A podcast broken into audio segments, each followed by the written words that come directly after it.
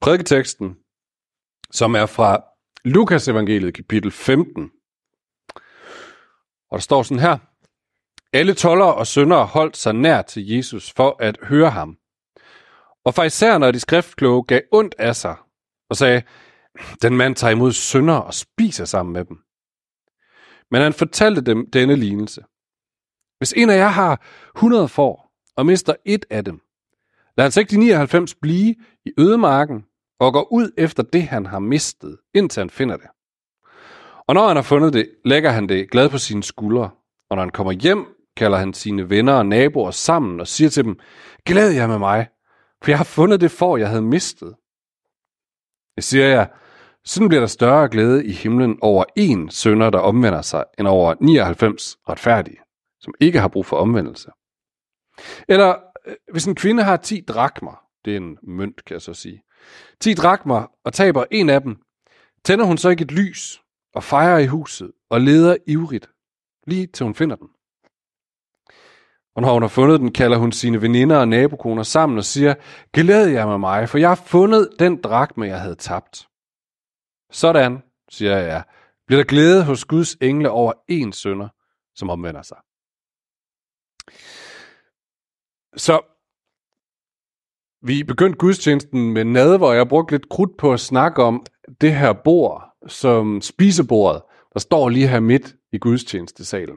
Øhm, og der er en, den, den pointe, der er i det, kommer på en eller anden måde super tydeligt frem her til vores gudstjenester i Glamsbjerg, fordi vi har rykket nadveren helt frem i begyndelsen af gudstjenesten, modsat mange sovnekirker, hvor den ligger til sidst i gudstjenesten.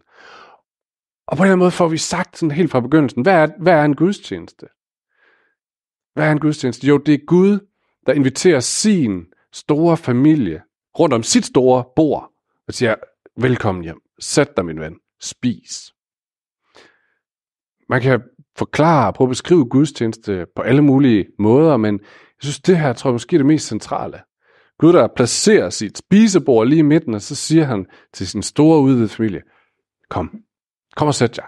Kom og sæt mig, sæt jer. Så vil jeg give jer alt det, jeg har brug for af mine dyre gaver her. Og det billede svarer rigtig godt også til det af vores fem kirkekendetegn her i Fyns Valgmenighed, som vi har kigget på og været optaget af i det her forår, nemlig at vi er udvidet familie. Vi som kirke er Guds udvidede familie. Og det vil vi gerne finde ud af, hvad betyder det? Og hvordan lever vi? Hvordan lever vi det i vores hverdag? Og det igen svarer meget godt til den tekst, vi lige har læst. Nu prøver jeg lige, om jeg kan lave kobling, og I kan følge med. Øhm, fordi der giver Jesus faktisk et meget langt svar på et meget enkelt spørgsmål. Nemlig, hvem er det, der kan sidde om det bord? Hvad er det for en slags familie, du har Gud? Hvad er din udvidede familie for noget? Så det skal vi prøve at, at kigge lidt på. Og fordi det nu er sidste gudstjeneste her i den her forårssæson, og det vil sige sidste gudstjeneste, hvor vi har det her tema med udvidet familie til at klinge om i baghovedet, så, øh, så tillader jeg mig lige at lave en lille øh, smutvej, eller det er ikke en smutvej, det er en, hvad hedder den, en omvej, for, for lige at få det her med udvidet familie på plads igen. Hvorfor er det, vi siger, vi er udvidet familie? Hvad står der om det i Bibelen? Og øh, før I tænker, åh, oh, kæreste venner, er du godt klar over, det er varmt udenfor? Skal vi virkelig have den omvej? Så lad mig sige, jeg gør det altså ikke for at pine jer. Jeg gør det heller ikke, fordi at det skal være nørdet og teologisk, det her. Jeg gør det, fordi at vi skal bruge enhver chance for ligesom at bygge et solidt fundament under vores tro, så vi ved, at det her, det er ikke bare en døgnflue eller en hurtig sådan tidspopulær ting. Det har dybe rødder, det vi står på. Så derfor så bliver vi nødt til en gang imellem og ofte at finde vores vej tilbage i det gamle testamente og rundt i det gamle testamente, for at få noget solidt at stå på. Så det gør vi altså, om I vil eller ej. Hvis vi er besvim, så gå ud og hente noget vand eller noget kaffe. Øh, så, hurtigt igennem Bibelen, vi starter på side 1, første Mosebog. Skabelsen, Gud skaber manden og kvinden i sit billede, og velsigner dem. Og så siger han sådan her, bliv talrig og frugtbar. Hvad er det?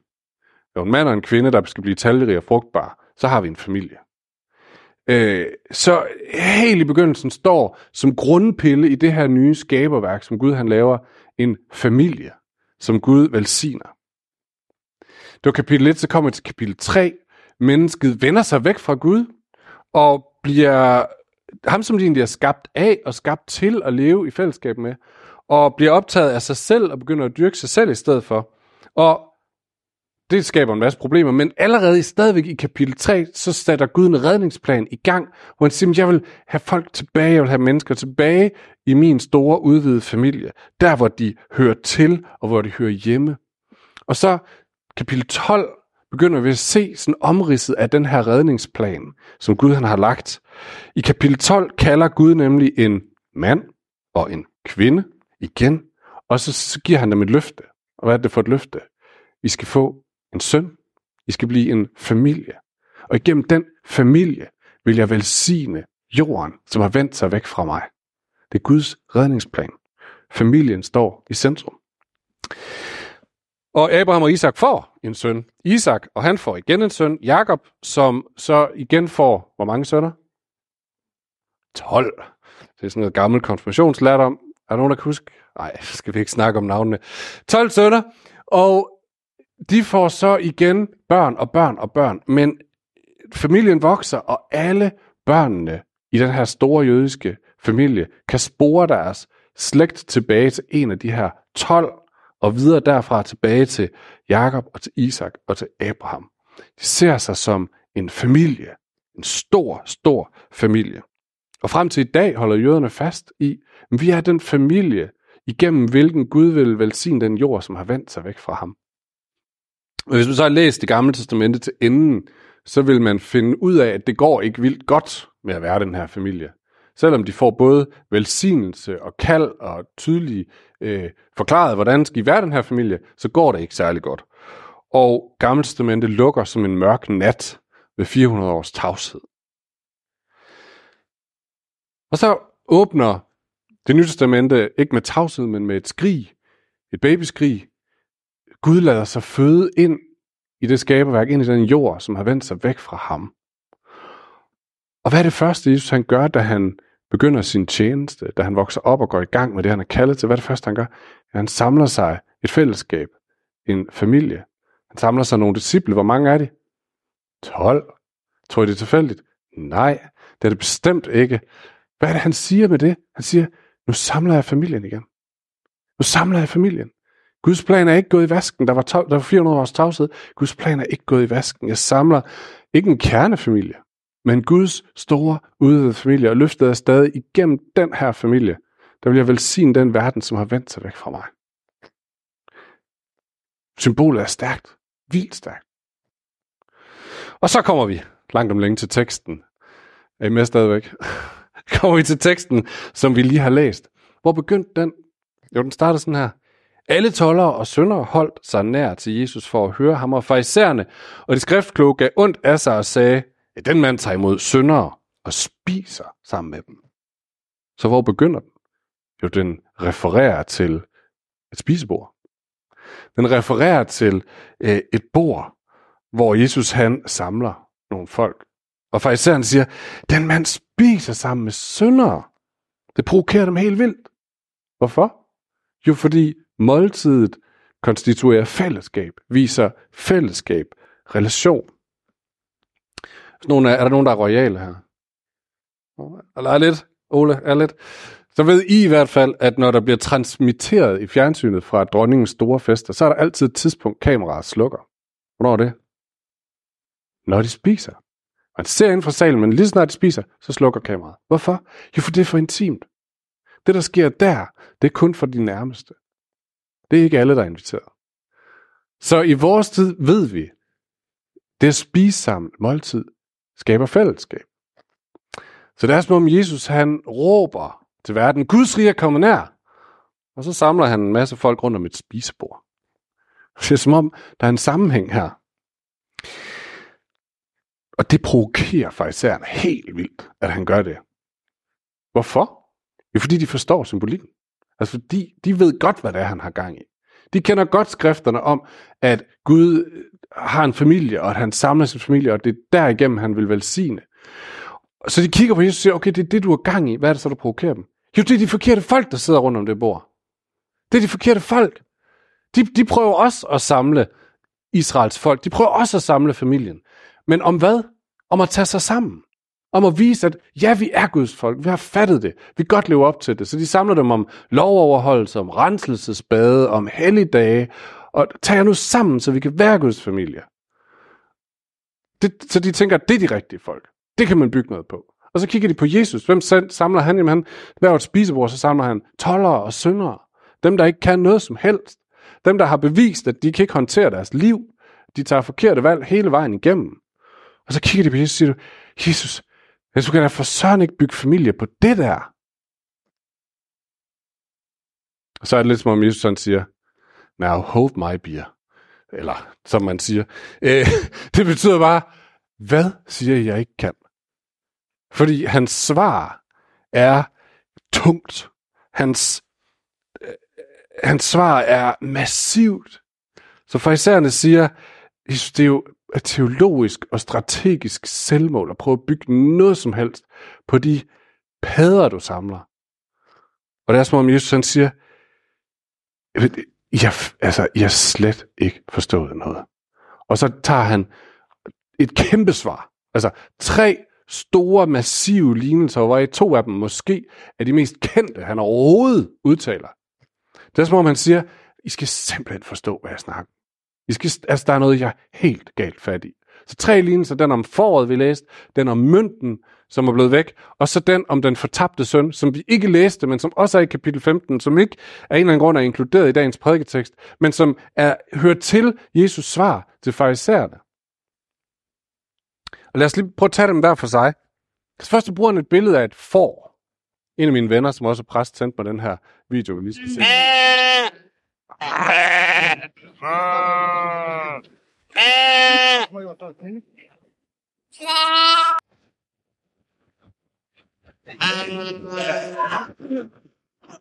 этой стороны, против солнца.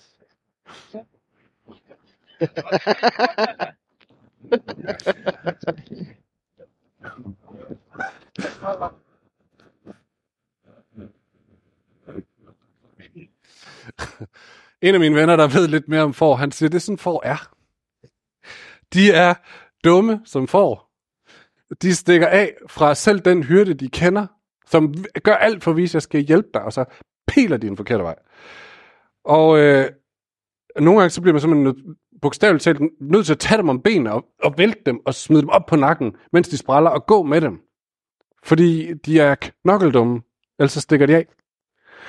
Det er ikke et særligt sympatisk billede, men det er det, Jesus han bruger om dem, som kan sidde omkring spisebordet. Og måske ikke helt dumt billede engang med ham. Jeg kom til at tænke over, hvordan blev fåret i den her lignelse væk i første omgang? Det får vi ikke så meget at vide om. Øh, måske blev det distraheret af noget god mad. Måske blev det, var det bare lige uopmærksomt, da hyrden kaldte. Måske. Vi ved det ikke rigtigt. Men på en eller anden måde, så blev, så, så blev det tabt, da de andre gik videre. Det var bare ikke lige med.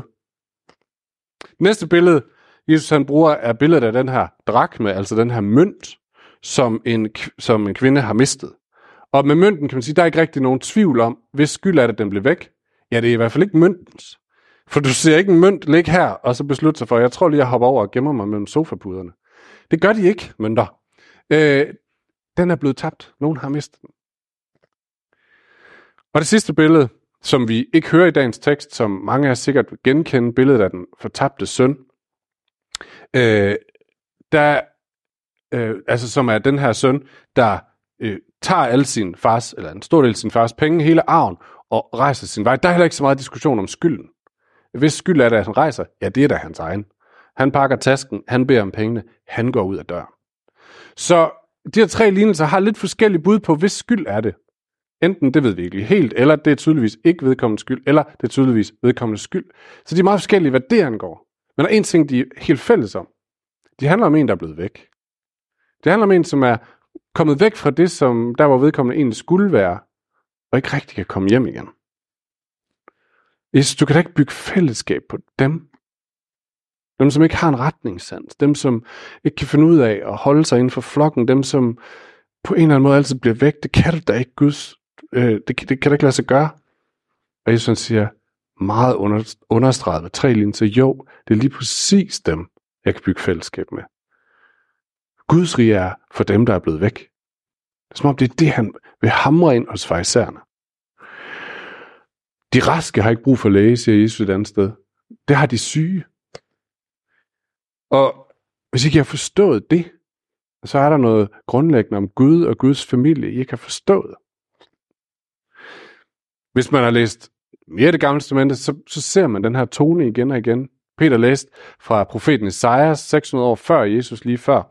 Og der sagde, øh, siger Gud sådan her, Jeg bor i det høje og hellige, og hos den, der er knust. Hvis ånd er nedbøjet, for genopleve den nedbøjet ånd, og opleve det knuste hjerte. Ja, han er højt ophøjet og hellig og helt anderledes, men hans forhold til mennesker, det er, at han bor hos den knuste. Er det den knuste skyld, at han er knust? Måske det er faktisk underordnet. Gud han bor hos den knuste. Vi møder det samme igen og igen i salmernes bog. Den her bog midt i det gamle testamente, som er en samling bønder og sanger, sange, som er skrevet ud fra menneskers erfaring af at gå sammen med Gud. Så i salme 78, så beskriver forfatteren, hvordan Gud han svarer Israels folk i ørkenen. Israels folk går i ørkenen, og igen og igen brokker de sig til Gud og brejder ham alt muligt og siger grimme ting om ham. Og så skriver forfatteren sådan her om, hvordan Gud svarer. Han huskede på, at de var dødelige. Et vindpust, der forsvinder og ikke vender tilbage. Det er ikke en nedgradering, det lyder negativt, det er det faktisk ikke. Han husker bare på, han ved godt, hvordan de er. De er som får, der løber vild. Og han handler med noget. Eller salme 103, hvor det er kong David, den mægtige konge, som også i den grad kender til at være syndig og til at gøre alt det, han ikke vil.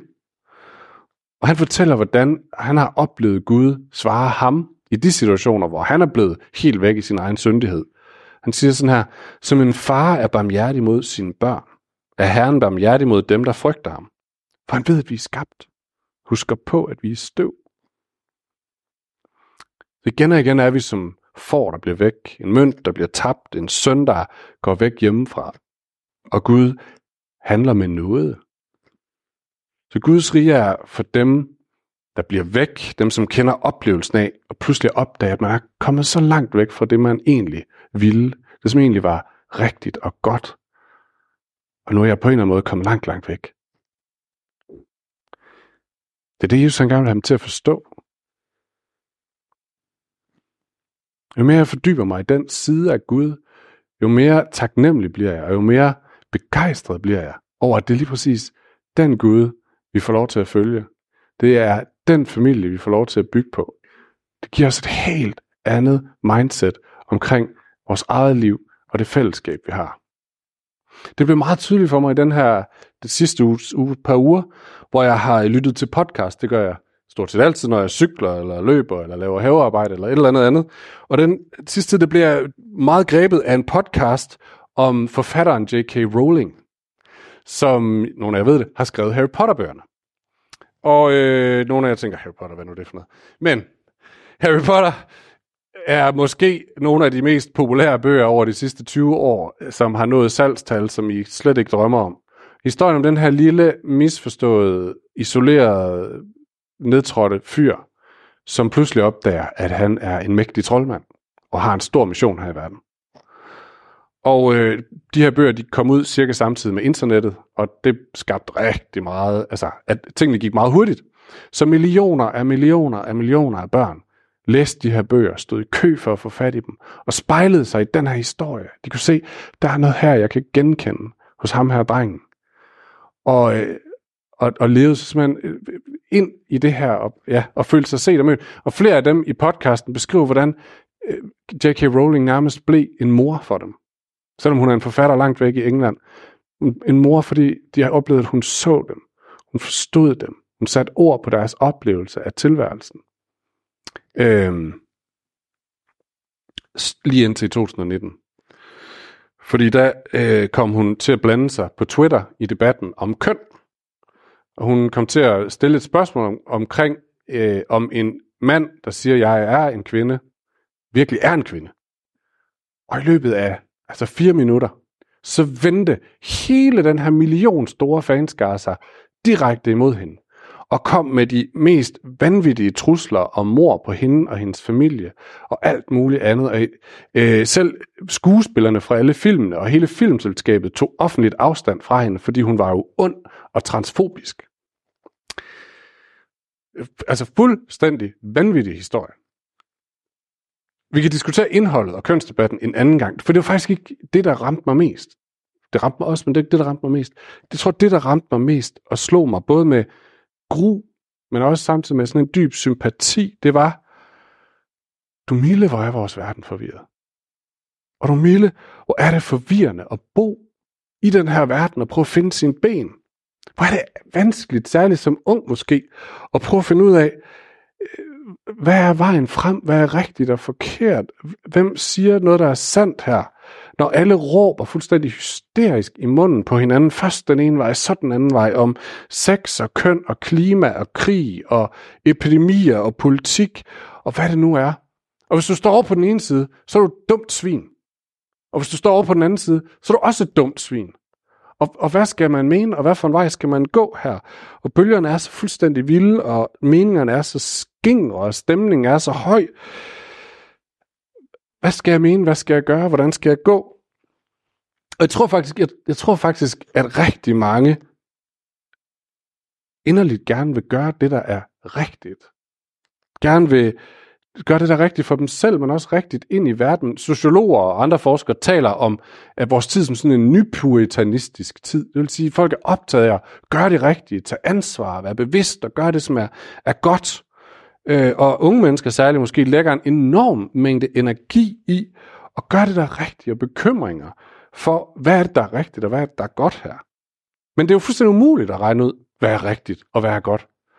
Øh, og i sin iver efter at gøre det, som er rigtigt, så ender man måske helt over i den anden grøft og bliver den nye krænker, som gør noget, der er ondt. I et fortvivlet forsøg på at gå godt. Det er vanvittigt vanskeligt. Vanvittigt forvirrende. Og folk, jeg kan, og det skaber grøfter. Altså på den ene side, så kan, er det enormt nemt at se skævt til de andre og sige, åh, de er unge altså. Det er jo sindssygt. Og de kan stå og sige, åh, de gamle boomers, eller Karens, eller hvad de kalder dem. Og så står man der og råber hinanden, og forstår ikke hinanden. Øhm, jeg synes bare, Jesu billede beskriver det så godt. Billedet af får, som virkelig gerne vil, vil gå den rigtige vej, men bare ikke kan finde ud af det. Bare spinder rundt om sig selv og hopper ned i grøften igen.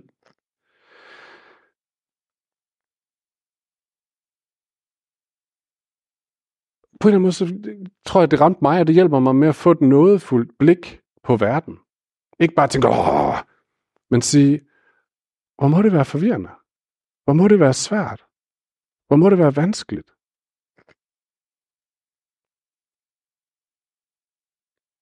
De gode nyheder er, at Gud står ikke og venter på, at foråret får fundet sin vej tilbage i folden. Hvor du tager dig sammen, så kom herhen. Nej, han gennemtrænger tornekrat og ras og hvad ved jeg, for at kunne tage endnu et sprællende får og lægge det sprællende på sine skuldre og bære det med hjem til bordet. Ikke den store flok, men et får ad gangen. Tag dem ud af forvirringen, så du kan, kan ligge her hos mig. Og Guds familie, det er dem, som åbner armene ud mod dem, som er blevet væk, og som er knaldforvirret og give dem en plads her rundt om bordet. Selvom de er forvirret. Kæmpe opmundring.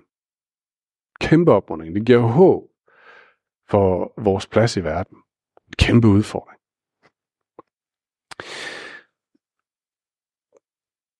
Vi skal slutte. Er Gud ligeglad med vores synd?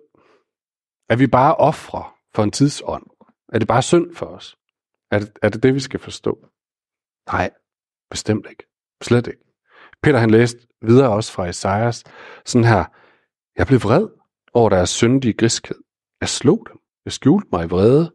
I frafald fulgte de den vej, de ville. Men, fortsætter han, jeg så deres færd, og jeg ville helbrede dem. Jeg vil skaffe dem hvile. Jeg giver dem trøst til gengæld. Jeg giver dem trøst til gengæld. Til gengæld? Til gengæld for hvad?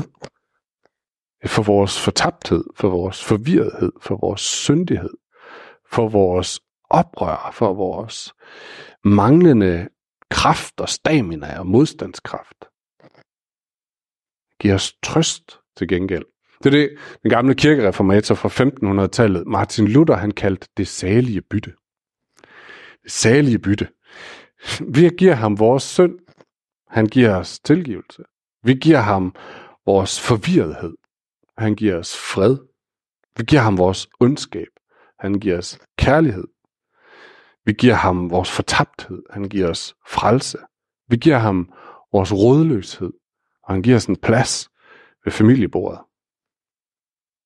Det er byttet. Det er hans gengældelse for vores utroskab. Selvom det kostede ham alt at give os de gaver. Det er det bordet er dækket med. Det er det bord, vi samles om. Det er det bord, vi inviterer til. Og jeg tænker, der er to måder, nu er det sommerferie, du kan gå og tænke, to måder, du kan respondere på det, vi den her beretning på. Den ene er, at vi kan tænke, åh, tak, at han finder mig. Når jeg er i min forvirrethed, når jeg ikke kan finde vej, når jeg gør alt det, jeg ikke ville, når jeg tænkte, jeg skulle være med i kirken, men jeg kan ikke finde ud af at leve et liv, der sådan rigtig svarer til det, så er det ikke, at han står og siger, så må du komme igen, når du kan. Og så går han igennem tårne og tisler, for at komme ud og hente dig, vise dig vejen tilbage. Og han vil have dig her ved bordet. Han vil have dig her ved bordet. Du skal få lov til at vide, hvem du er. Og det kan også være, at du kan tænke på nogen, som virker som om, de er blevet væk i forvirrethed, i frustration. Det kan være, at der er nogen, der er tæt på dig. Det kan også være, det er bare, når du kigger på verden. Det kan være, at det her nye blik på verden betyder noget. Ikke bare tænk på dem som, hold kæft, nogle idioter, men tænk, hvor er de blevet væk? Hvor er det forvirret? Og så kan vi bede, Jesus, vil du gå ud og finde dem en af gangen? Og du tager godt fat om deres ben og løfter dem op, så de får lov til at mærke den stol, du har lavet til dem. Lad os slutte med at bede sammen. Jesus, tak for det her billede. Billedet af, at dit folk er ikke dem, som formåede at tage sig sammen. Dit folk er dem, som kender til at blive væk. Som kender til at have brug for, at nogen kommer og finder dem.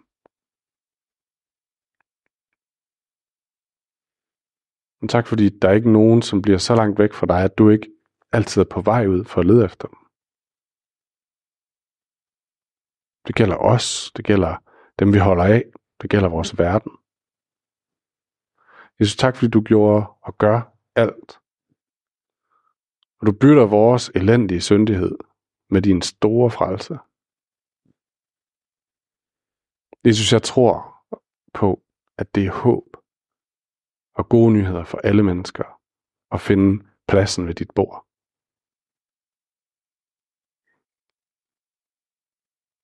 Og tak fordi du ikke opgiver din verden. Og jeg beder om, at vi må være en menighed, som er defineret ikke af, hvad folk formår, men af, hvad du formår. Amen.